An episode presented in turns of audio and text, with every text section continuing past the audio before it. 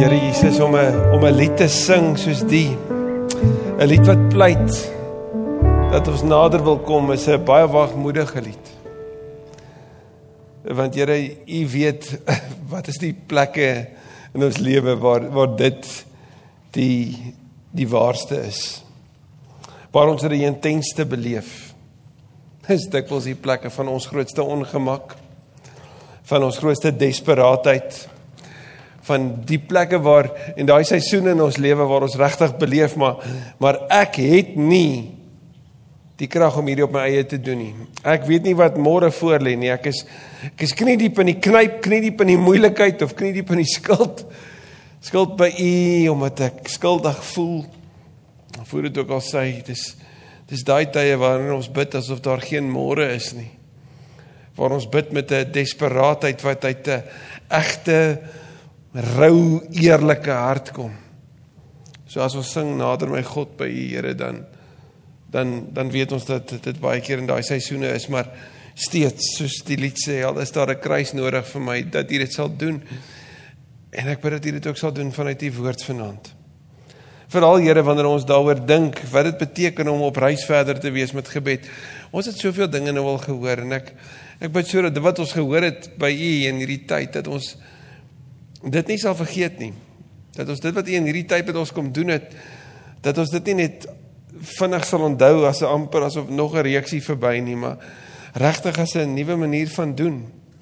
So kom lei ons asseblief vanaand verder daarin.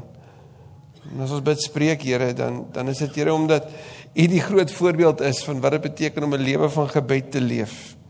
U het ons geleer hoe om te bid.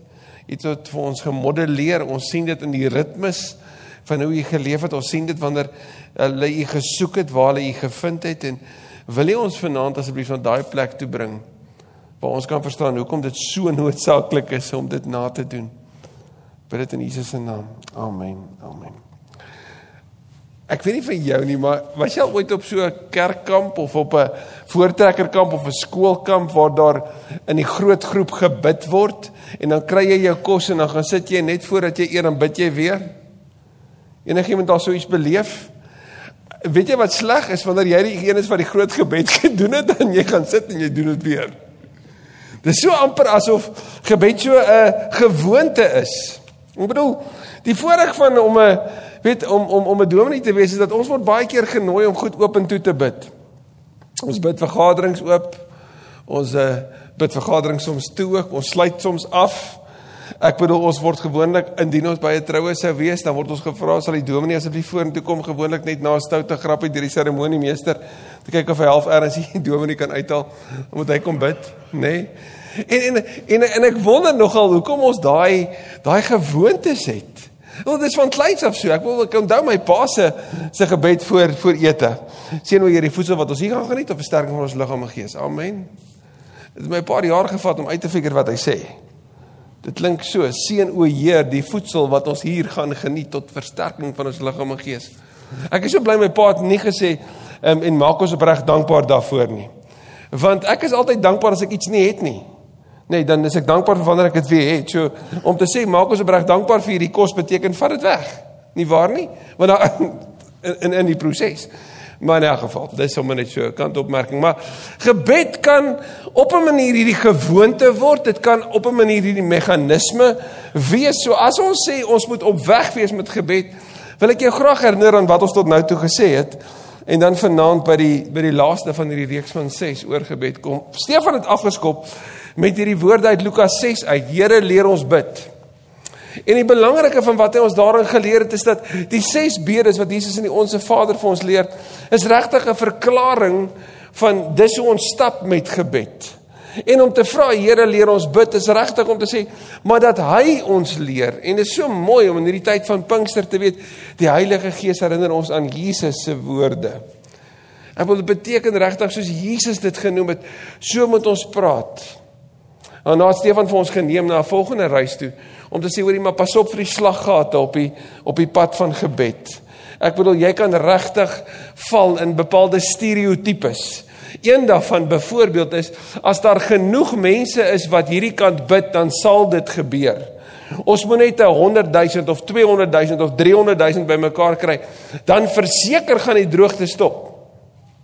Terwyl gebed nie 'n meganisme is om op 'n manier God te boelie sodat hy kan gee wat ons wil nie. Want gebed beteken nie God is soos Aladdin se lampie waarin ek dit uit hart moet vryf en genoeg moet doen en tada, daar is dit nou nie. Dis tog nie dit nie. En dit gaan nie oor om om 'n groot groep te kry om hulle harte van toewyding vir die Here te gee nie. Dis is heeltemal anders en dis tog wat gebed moet doen, nê? So om ons aan die Here te bind. En dis hoekom dit altyd goed is om te bid vir jou vyande want deur vir hulle te bid verander dit jou hart. Maar gebed is nie 'n meganisme nie. So mense moet pas op vir die slaggate of weg met gebed. Toe Johan gekom en hy het aan die verkeerde kant amper begin, nê. Nee, sy eerste was wat om nie te doen as jy bid nie, nê. Nee? En ek onthou so mooi hoe dit so gedramatiseer soos wat net Johan kan en hy het gesê ons moenie hoogdrawende woorde gebruik nie. Jy weet, gebed is nie 'n ATKV prys wen nie, het hy gesê. Weet, gebed is om eenvoudig te wees. Ook onthou my eerste gemeente. Een oom, ek wil uit so met ons gepraat en dan wanneer ons in 'n kring moes staan om om te bid vir die diens dat dit die volgende gebeur. O Here, dis so wonderlik om by U te wees. Nou stel ek myself voor ons goeie Vader daar wanneer ek dink, wie's dit? Dis sekerlik nie hy nie. Want sien, herens het ons tog geleer dat as ons woorde formaliseer en bepaalde nuanserings plaas op die woorde, dan klink dit ernstig wat jy het is die mense luister as jy bid dan. Maar ek weet nie of jy hoor wat jy doen nie. So pas op daarvoor. Wees net eg eerlik. Wees jy? Moenie eers een of ander vorm gebruik of vreemde woorde gebruik wat nie eens eie is aan jou eie woordeskat nie. Wees net jy. Nou nadat ek sê maar hoe moet ons bid? En Johan het ons gehelp om te sê maar ons moet bid om te weet met wie ons praat. Gaan kyk net wat sê die Bybel oor wie God is. Jesaja 6 in Openbaring die grootheid en die helderheid van wie die Here is en die beskrywings van die serafs en sy grootheid en alles om dit. So maak jy oë toe en besef net hoe heilig is hierdie God met wie jy praat. Dis nie een van 'n maatjie hier naby nie. Hy's groot en hy is magtig. En hy is God en hy weet alles. Hy weet alles wat hier binne in jou aangaan. Daarom hoef jy niks vir hom weg te steek nie. Hy weet ook dat jy soms voel soos 'n tweegesig. Daai kere wat jy voel, Here, ek wil opreg bid, maar hier binne het ek opregte frustrasie met met met A, B of C. Here, ek wil opreg vir U sê ek het U lief en ek wil U aanbid, maar ek sukkel met sis en so en sis en so. En en daai daai belewennisse daai belewennisse is mos iets wat ons eerlik vir hom kan kan kan kan bring. In verlede week het ons gepraat oor gebed as 'n in die proses van oorgee, net die die woord was surrender. En dink die die belangrike van die oorgee, ek weet nie hoe dit met jou hierdie week gegaan het nie, maar was dit was so goed vir hom elke oggend te kon sê, Here, ek kan nie, maar U kan. Here, ek's mal oor beheer, oor beplan, oor vooruit weet. En en en ek weet in hierdie wêreld werk dit nie so nie. Ek weet u's daar. In die onbekende van van wat voor lê, weet ek dat u's reeds daar. En omdat u reeds daar is en u het my tot nou toe gedra, weet ek u sal my daarheen neem. As dan vanaand kom by by hoe nou, hoe vorentoe wil ek graag vir ons die waarskuwing gee van wat oom Eugene Peterson vir ons daar plaas. Ek lees dit graag vir ons. Hy sê we discover early on that we can pretend to pray use the words of prayer, practice the forms of prayer, assume the postures of prayer, acquire a reputation for prayer, and never pray. Okay? Our prayers, so called, are a camouflage to cover up a life of non prayer. Sien, dis die gevaar. Jy kan al hierdie goeters weet, jy kan al die woorde weet. Dis amper soos om te name drop wanneer jy 'n sosiale media platform het. Jy sê ek het saam met hierdie een gekuier #dit of ek het saam met daai een gedit. Jy name drop so half asof jy weet en dan name drop ons net Jesus ook. En dan sal dit gebeur. Maar, maar gebed is nie name dropping nie. Gebed is soveel soveel meer, soveel dieper. So eerste belangrik en ek wil vanaand met jou drie dele deel oor gebed vir jou en my op die pad vorentoe. Eerste belangrike ding van gebed. Gebed is sit en luister. Hoor mooi. Gebed begin by sit en luister. Gebed begin nie by doen nie. Gebed begin nie by 'n monoloog nie. Ek hou niks van voice notes nie. Ek weet dit is 'n vinniger manier om boodskappe te stuur, dan hoef jy nie 'n lang boodskap te tik nie, nê. Maar jy beleef in 'n voice note dat wanneer iemand vir jou verskriklik baie inligting op die voice note gee, dat jy eers graag sou wou reageer, maar jy kan nie want hulle is besig om aanhoudend te praat en veral as jy hom op 1.5 of selfs op 2 luister, dan is dit regtig vinnig om by alles uit te kom, maar jy luister eintlik na niks nie. En ek's bekommerd daaroor dat ons gebede soms soos 'n voice note luister, nê? Nee? Gewoonlik 'n voice note in die vorm van inkopieslys. Here baie dankie dat U ons hier gebring het. Dit was baie lekker geweest. Wil jy asseblief vir ons die volgende gee? Wil jy asseblief dan saam met ons gaan en bring ons môre veilig terug? Amen. Maar gebed kan nie dit wees nie. Hoor mooi en ek wil graag saam met jou kyk na na Romeine 8. Ons gaan twee gedeeltes uit Romeine 8 lees. Die eerste Romeine 8 van vers 18.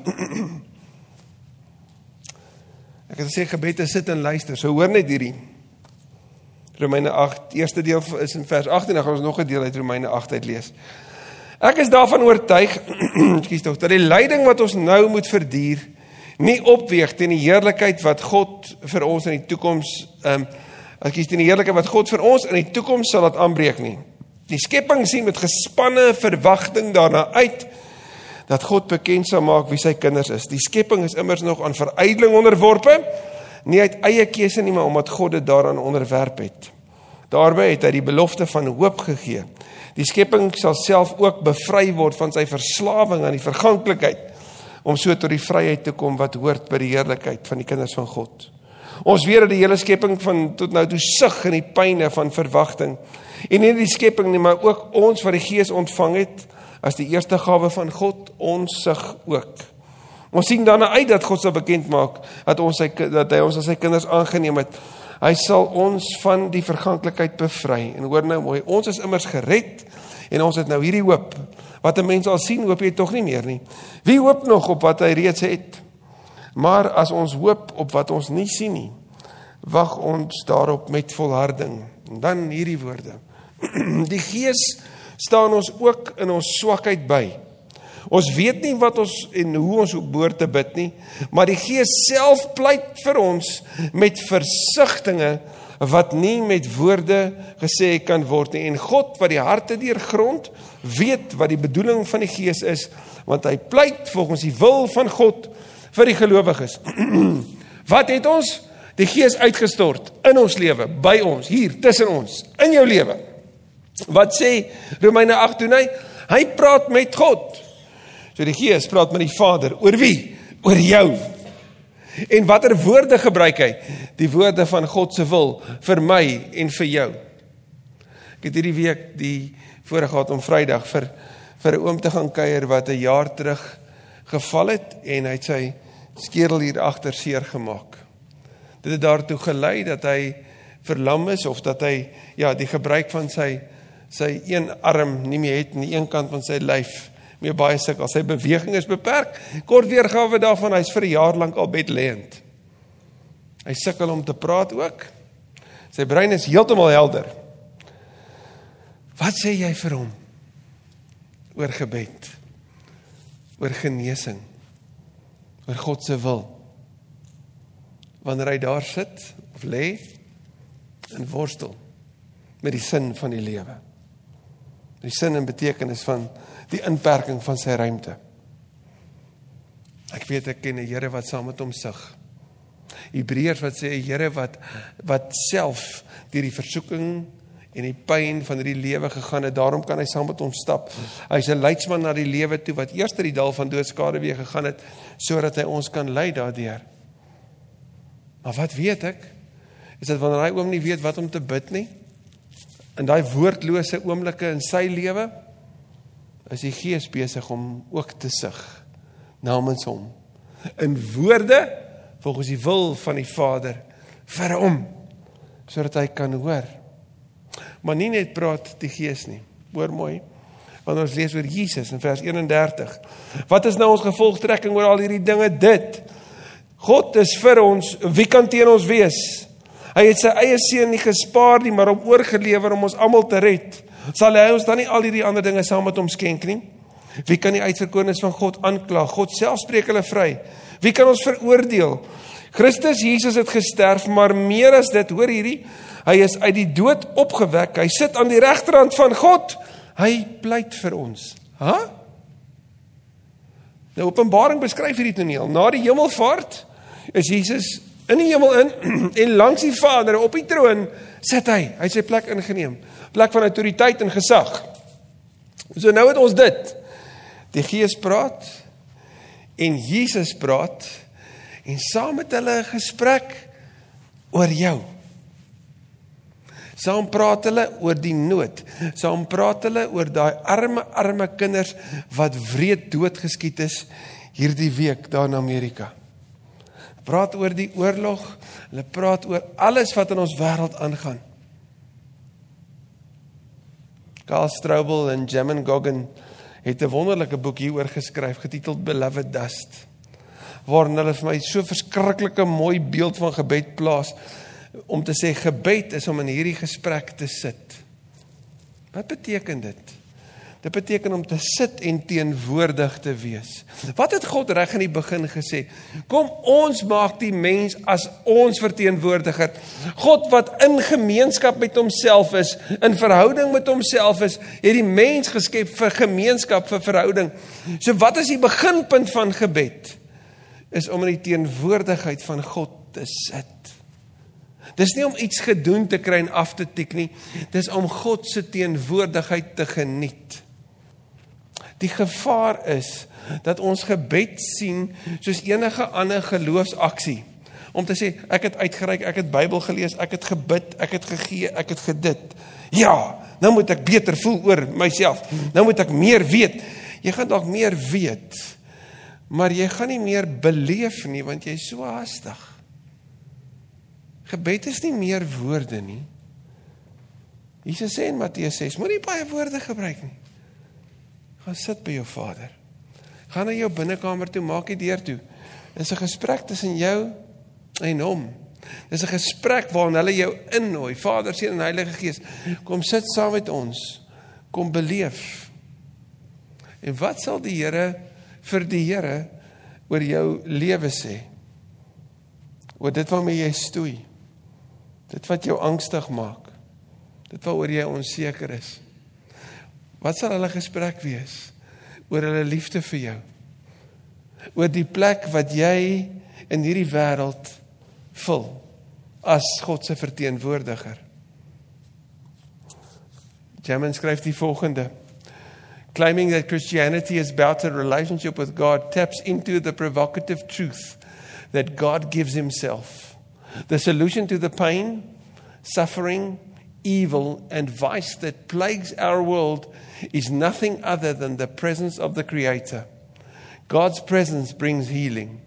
This is such a big idea, and its implications are so far reaching that we often accept something less instead. Rather than embracing the wildly provocative truth that God has given Himself to us, we come to believe He functions primarily to give us other gifts. Mense, ons het baie tyd om hierdie oor en oor en oor te lees. Die kort weergawe is dit. Ons dink God is in diens van ons om 'n verskaffer te wees van geestelike produkte. Ons het meer wysheid nodig, meer insig nodig, miskien meer nederigheid, miskien geduld, baie geduld, baie baie baie geduld. Nê? Nee, al daai dinge in plaas daarvan dat ons verstaan dat die bedoeling van gebed is om in God se teenwoordigheid te sit. En hy skryf Jamen hy moes by 'n punt kom in sy lewe waar hy moes eerlik wees en sê Here ek hou meer van u as 'n verskaffer van produkte en dienste vir my lewe as om net in u teenwoordigheid te wees. Here ek het nog nie geleer om u teenwoordigheid in my lewe te geniet nie. Nou weet jy wanneer 'n geliefde by jou is hoe lekker dit is. Maar vir al die tieners wat lekker verlief raak net daar in die begin. Hulle wil net by mekaar wees die hele liewe tyd. Studente ook. Jy hoop hulle gaan eers swat, maar hulle is net by mekaar die hele liewe tyd because they like it. Hulle sal die wêreld weet Ehm um, oor ek onthou maar toe ek en Andri het begin uitgaan het.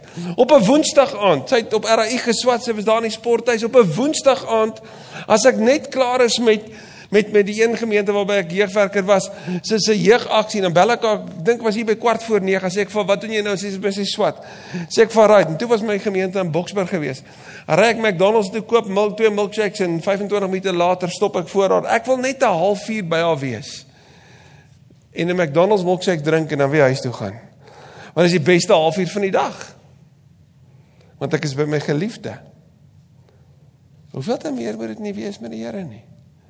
Dat ons nie sal opstaan en jaag en sê ek kan nie wag om te hoor wat God met my wil deel vandag nie. Ek kan nie wag om saam met hom die dag in te gaan want hy's hier by my. Psalm 139 sê hy omvou my soos in 'n moederskoot van alle kante. So ek leef in hierdie moederskoot verhouding met hom, my teenwoordig die hele liewe tyd. Wat sal hy sê oor my gesondheid? Wat moet ek by hom hoor oor oor my lewe? Wees stil en sit. Die tweede belangrike deel is dat ons moet deelneem.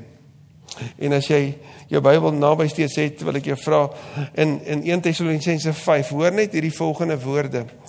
Wanneer Paulus daar met die gemeente in Tessalonika praat, nou, jy gaan in Tessalonisense sien dit uit Handelinge uit, dis 'n gemeente wat 'n klomp leegleers het. Hulle het rondgelê. Hulle het niks gedoen nie. So dit is vreeslik maklik vir die Jode om hierdie paar ouens van die straat af te kry en sê, "Hoorie, kom gou, kom gou, ons gaan gou hierdie manne uitsorteer. Ons gaan vir hulle 'n paar goedjies gee." En so het hulle hierdie manne baie baie vinnig met hulle was beskikbaar en hulle het hulle gekry om vir Paulus baie leed aan te doen. Gaan lees maar Handelinge 16, jy gaan dit sien. So later is die kerk daar geplant en Paulus skryf hulle die volgende: Broers en ons kan met mooi gesag sê en susters. Ons vra julle, erken die mense wat so hard onder julle werk en julle in opdrag van die Here lei en teregwys. Betoon in liefde die hoogste agting aan hulle ter wille van hulle van, van hulle werk. Leef in vrede met mekaar. Ons druk julle dit op die hart broers, wys die leegleers onder julle tereg, plaat die praat die kleinmoediges moed in. Help die swakkes, wees met almal geduldig. Sorg dat niemand 'n ander mens kwaad vir kwaad vergeld nie. Beywer julle liewers altyd vir die belange van julle medegelowiges en van alle mense. Wees altyd bly, bid geduldig, wees in alle omstandighede dankbaar, want dit is wat die Gees van van wat God in Christus Jesus van julle verwag. Nou wil ek gou-gou vir jou dit prakties wys, nê? Kyk hoe lyk dit. Hy sê: "Betoon liefde en agting, leef in vrede met mekaar, wys die leegleers terug.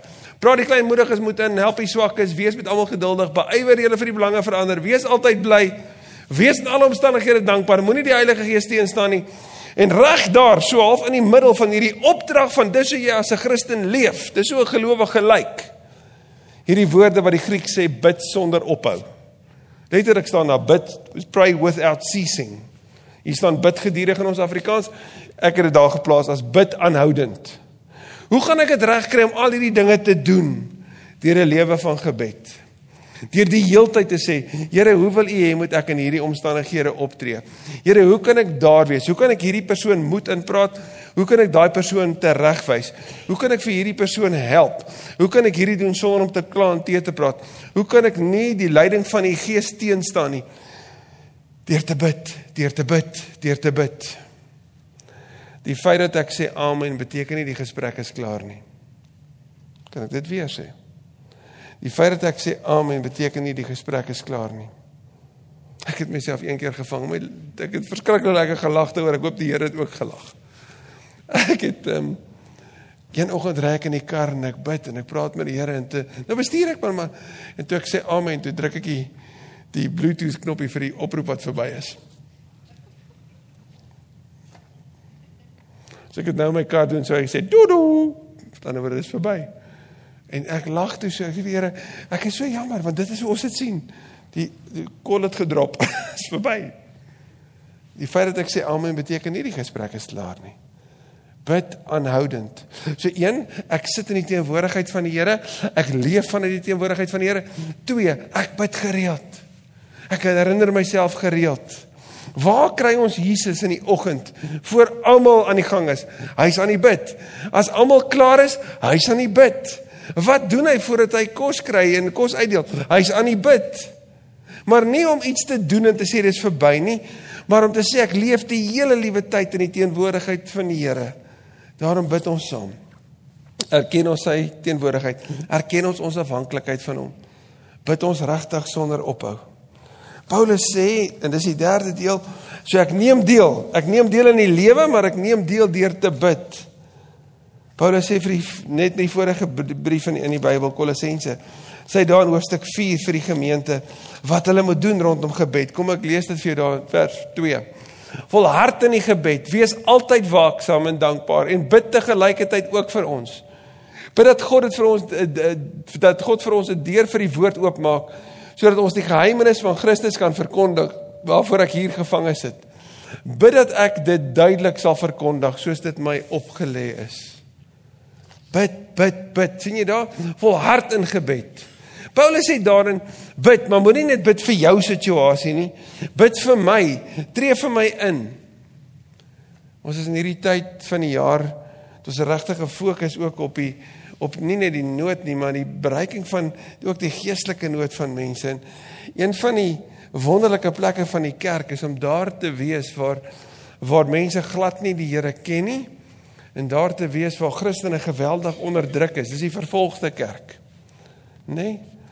En en ek en jy kan saam met geopende deure in hierdie tyd regtig hande vat. Ons kan hulle hande sterk maak deur ook te bid vir die gelowiges wat onder ontsettende druk moet opstaan en die evangelie gaan uitdra al beteken dit dat hulle hulle lewe verloor.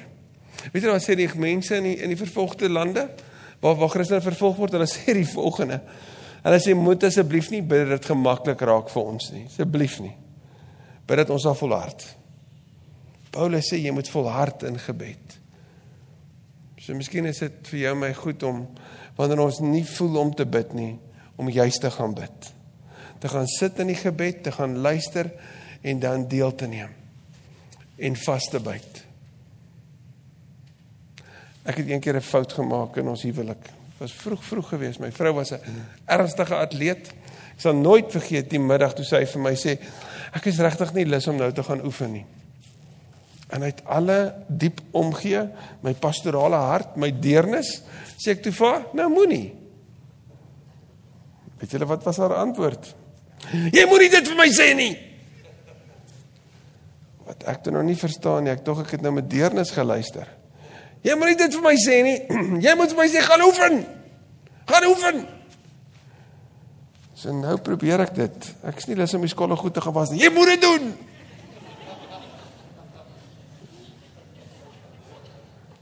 En dan hoor ek nee, dit was ek wat dit moes doen, maar geval nee, dit Maar maar maar hoor jy daai aanmoediging? Wanneer ek nie wil bid nie, wat sê die Here? Maar jy moet. Gaan kyk maar 'n bietjie Hebreërs 12. Die Heilige Gees is die Parakletos. Die hy parakaleo, hy moedig ons aan soos 'n atleet. Paulus sê volhard in gebed. Hier's vir jou laaste gedagte uit Psalm 132 uit. Ja, die Here het Sion gekies en dit vir hom as woning begeer. Dit is my rusplek vir altyd. Hier wil ek woon. Dit is my begeerte. God skep ses dae die ganse kosmos en sy hoogtepunt sou ons dink is dag 6, nê? Nee? Hy het die mens geskep en gesê dit is baie goed.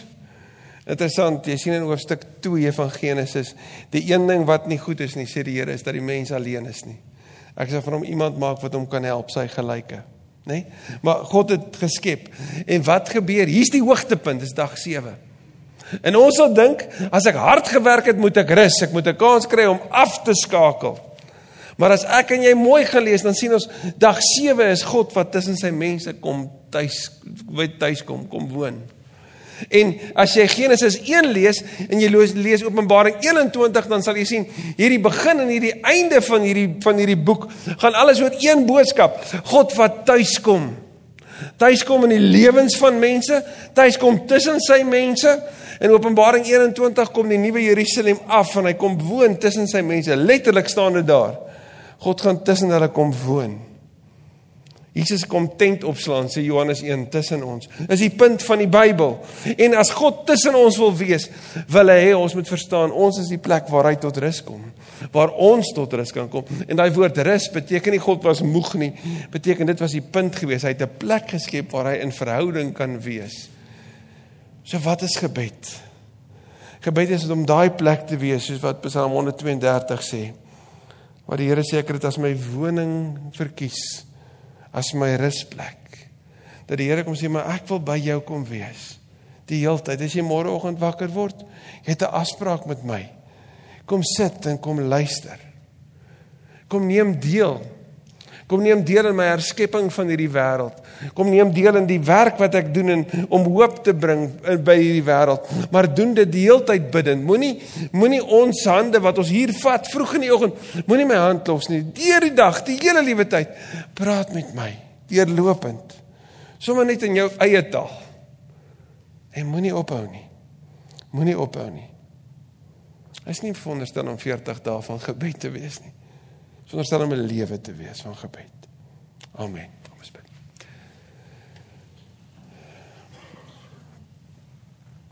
Here in die tye wanneer ons nie verstaan nie. Die woordlose tye is dit so wonderlik om vanaand net weer te hoor is U aan die aan die bid, aan die praat, aan die deel. En ons of van vanaand kom verklaar U is soos Michael W Smith sing, Here, U is sovereign over us. U is die groot Here wat alles weet en dat U U ons leer om al hoe meer te vertrou ook in die tye wat ons moet wag. Dankie dat ons vanaand net iets kan hoor van van die teenwoordigheid wat vir ons genoeg is. Here dit is dis maklik om die om die daai one-liners te gebruik. Woorde wat sê when you have nothing else but God you realize that God is all you need. Maar is baie moeilik om daar uit te kom. Kom help ons vanaand om by daai plek uit te kom. Daai plek in ons lewe uit te kom waar ons sê, Here, U is al wat ek nodig het. U is al op wie ek kan vertrou. U is al by wie ek kan rus. Help ons om in hierdie week, Here, dit wat ons doen of ons waar ook al ons betrokke is, om dit te doen met volharding en volheid, maar juis vanuit gebed. En juis vanuit die plek, Here, waar ons sê, You're working in our waiting You're sanctifying us and beyond our understanding. You're teaching us to trust. Dankie dat gebed ons juist daarin neem. Bid dit in Jesus se naam. Amen. Amen.